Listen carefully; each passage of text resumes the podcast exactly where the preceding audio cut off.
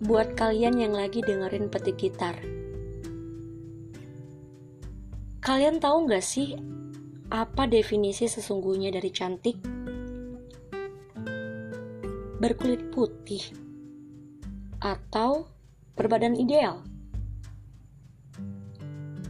Hampir 100% orang berpikir demikian. Tetapi sebenarnya cantik ya sesungguhnya itu adalah kelebihan yang kita miliki. Perempuan yang mempunyai kelebihan itu jauh lebih cantik. Oke, berkulit putih dan berbadan ideal itu memang cantik. Tetapi nggak ada yang spesial. Dan jangan salah, perempuan yang berkulit hitam dan berbadan gendut itu juga nggak kalah cantik loh